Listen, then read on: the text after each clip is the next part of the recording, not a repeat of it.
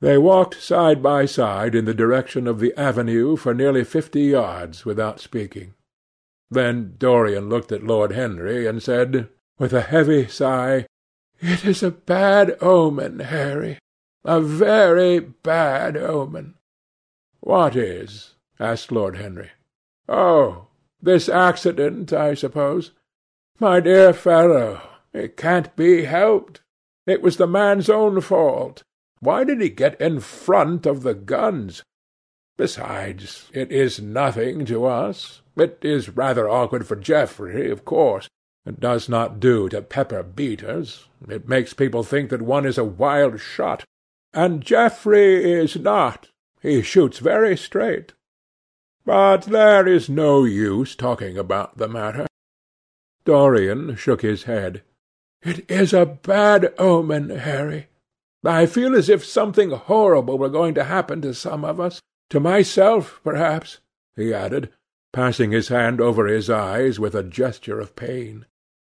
The elder man laughed.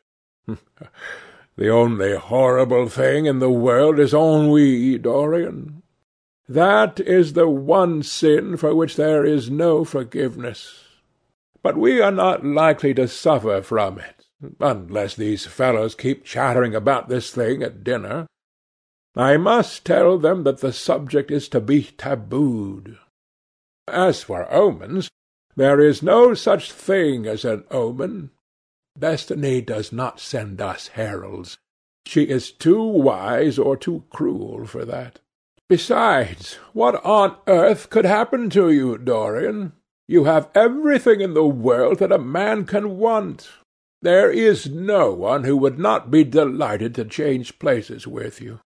There is no one with whom I would not change places, Harry.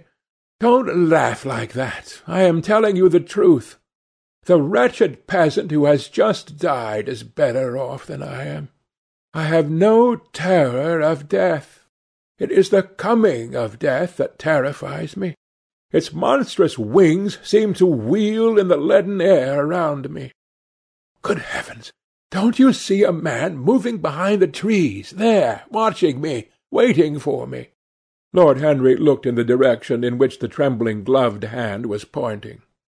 Yes, he said, smiling.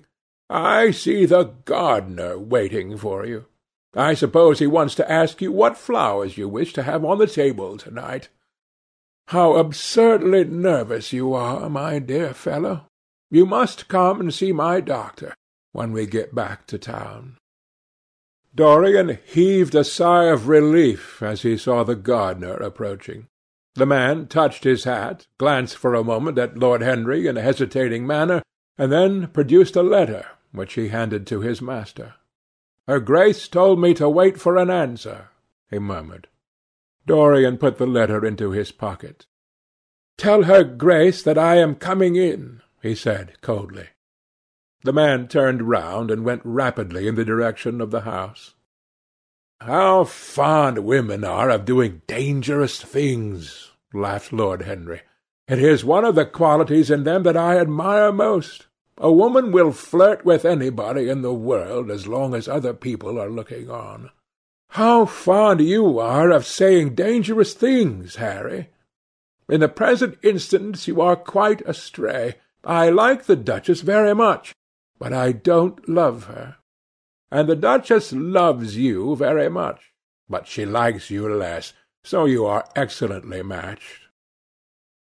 You are talking scandal, Harry, and there is never any basis for scandal. The basis of every scandal is an immoral certainty, said Lord Henry, lighting a cigarette. You would sacrifice anybody, Harry, for the sake of an epigram. The world goes to the altar of its own accord, was the answer. I wish I could love, said Dorian Gray, with a deep note of pathos in his voice.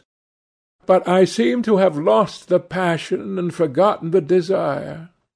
I am too much concentrated on myself. My own personality has become a burden to me. I want to escape, to go away, to forget. It was silly of me to come down here at all. I think I shall send a wire to Harvey to have the yacht got ready. On a yacht one is safe. Safe from what, Dorian? You are in some trouble. Why not tell me what it is? You know I would help you. I can't tell you, Harry, he answered sadly, and I dare say it is only a fancy of mine. The unfortunate accident has upset me. I have a horrible presentiment that something of the kind may happen to me. What nonsense! I hope it is, but I can't help feeling it. Ah, here is the Duchess, looking like Artemis in a tailor-made gown. You see, we have come back, Duchess. I have heard all about it, Mr. Gray, she answered. Poor Geoffrey is terribly upset, and it seems that you asked him not to shoot the hare. How curious! Yes, it was very curious. I don't know what made me say it. Some whim, I suppose. It looked the loveliest of little live things. But I am sorry they told you about the man. It is a hideous subject. It is an annoying subject, broke in Lord Henry. It has no psychological value at all. Now, if Geoffrey had done the thing on purpose, how interesting he would be! I should like to know some one who had committed a real murder. How horrid of you, Harry! How horrid of you, Harry! cried the Duchess. Isn't it, Mr. Gray? Harry, Mr. Gray is ill again. He is going to faint. Dorian drew himself up with an effort and smiled. It is nothing, Duchess, he murmured. My nerves are dreadfully out of order. That is all. I am afraid I walked too far this morning. I didn't hear what Harry said. Was it very bad? You must tell me some other time. I think I must go and lie down. You will excuse me, won't you? They had reached the great flight of steps that led from the conservatory on to the terrace. As the glass door closed behind Dorian, Lord Henry turned and looked at the Duchess with his slumberous eyes. "Are you very much in love with him?" he asked. She did not answer for some time, but stood gazing at the landscape. "I wish I knew," she said at last. He shook his head. "Knowledge would be fatal. It is the uncertainty that charms one. A mist makes things wonderful. One may lose one's way. All ways end at the same point, my dear Gladys. What is that? Disillusion. It was my debut in life, she sighed. It came to you crowned. I am tired of strawberry leaves. They become you. Only in public you would miss them, said Lord Henry. I will not part with a petal. Monmouth has ears. Old age is dull of hearing. Has he never been jealous? I wish he had been. He glanced about as if in search of something. What are you looking for? she inquired. The button from your foil, he answered. You have dropped it. She laughed. I still have the mask. It makes your eyes lovelier, was his reply. She laughed again. Her teeth showed like white seeds in a scarlet fruit. Upstairs, in his own room, Dorian Gray was lying on a sofa, with terror in every tingling fibre of his body. Life had suddenly become too hideous a burden for him to bear. The dreadful death of the unlucky beater, shot in the thicket like a wild animal, had seemed to him to prefigure death for himself also. He had nearly swooned at what Lord Henry had said in a chance mood of cynical jesting. At five o'clock he rang his bell for his servant, and gave him orders to pack his things for the night express to town, and to have the brougham at the door by eight thirty. He was determined not to sleep another night at Selby Royal. It was an ill-omened place. Death walked there in the sunlight. The grass of the forest had been spotted with blood. Then he wrote a note to Lord Henry, telling him that he was going up to town to consult his doctor, and asking him to entertain his guests in his absence. As he was putting it into the envelope, a knock came to the door, and his valet informed him that the head keeper wished to see him.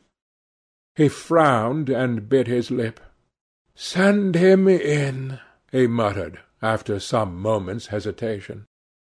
As soon as the man entered, Dorian pulled his cheque-book out of a drawer and spread it out before him.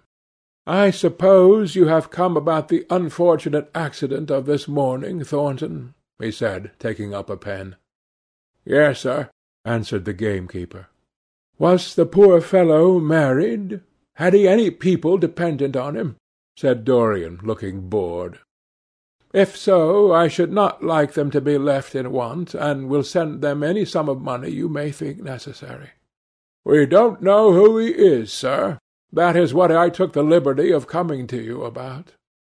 "Don't know who he is?" said Dorian listlessly. "What do you mean? Wasn't he one of your men?" "No, sir. Never saw him before. Seems like a sailor, sir.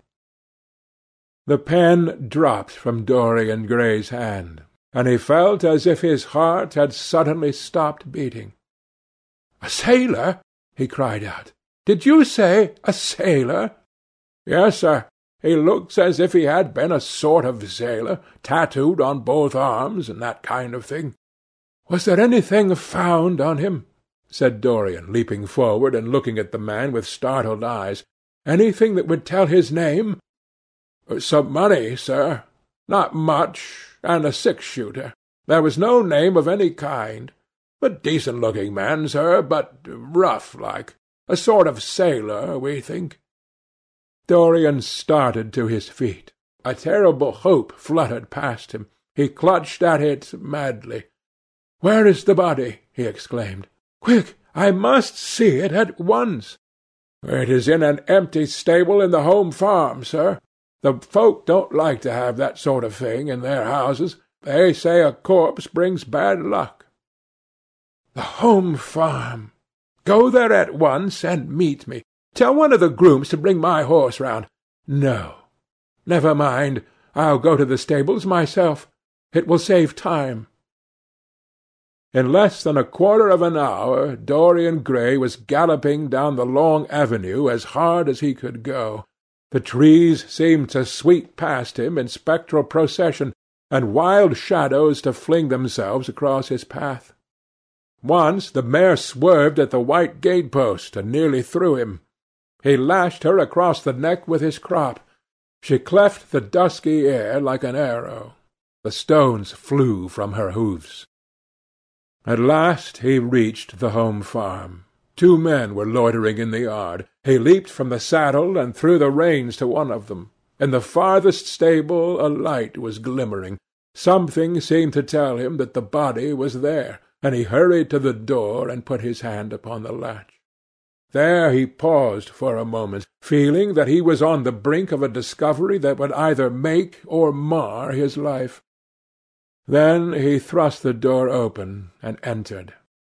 On a heap of sacking in the far corner was lying the dead body of a man dressed in a coarse shirt and a pair of blue trousers.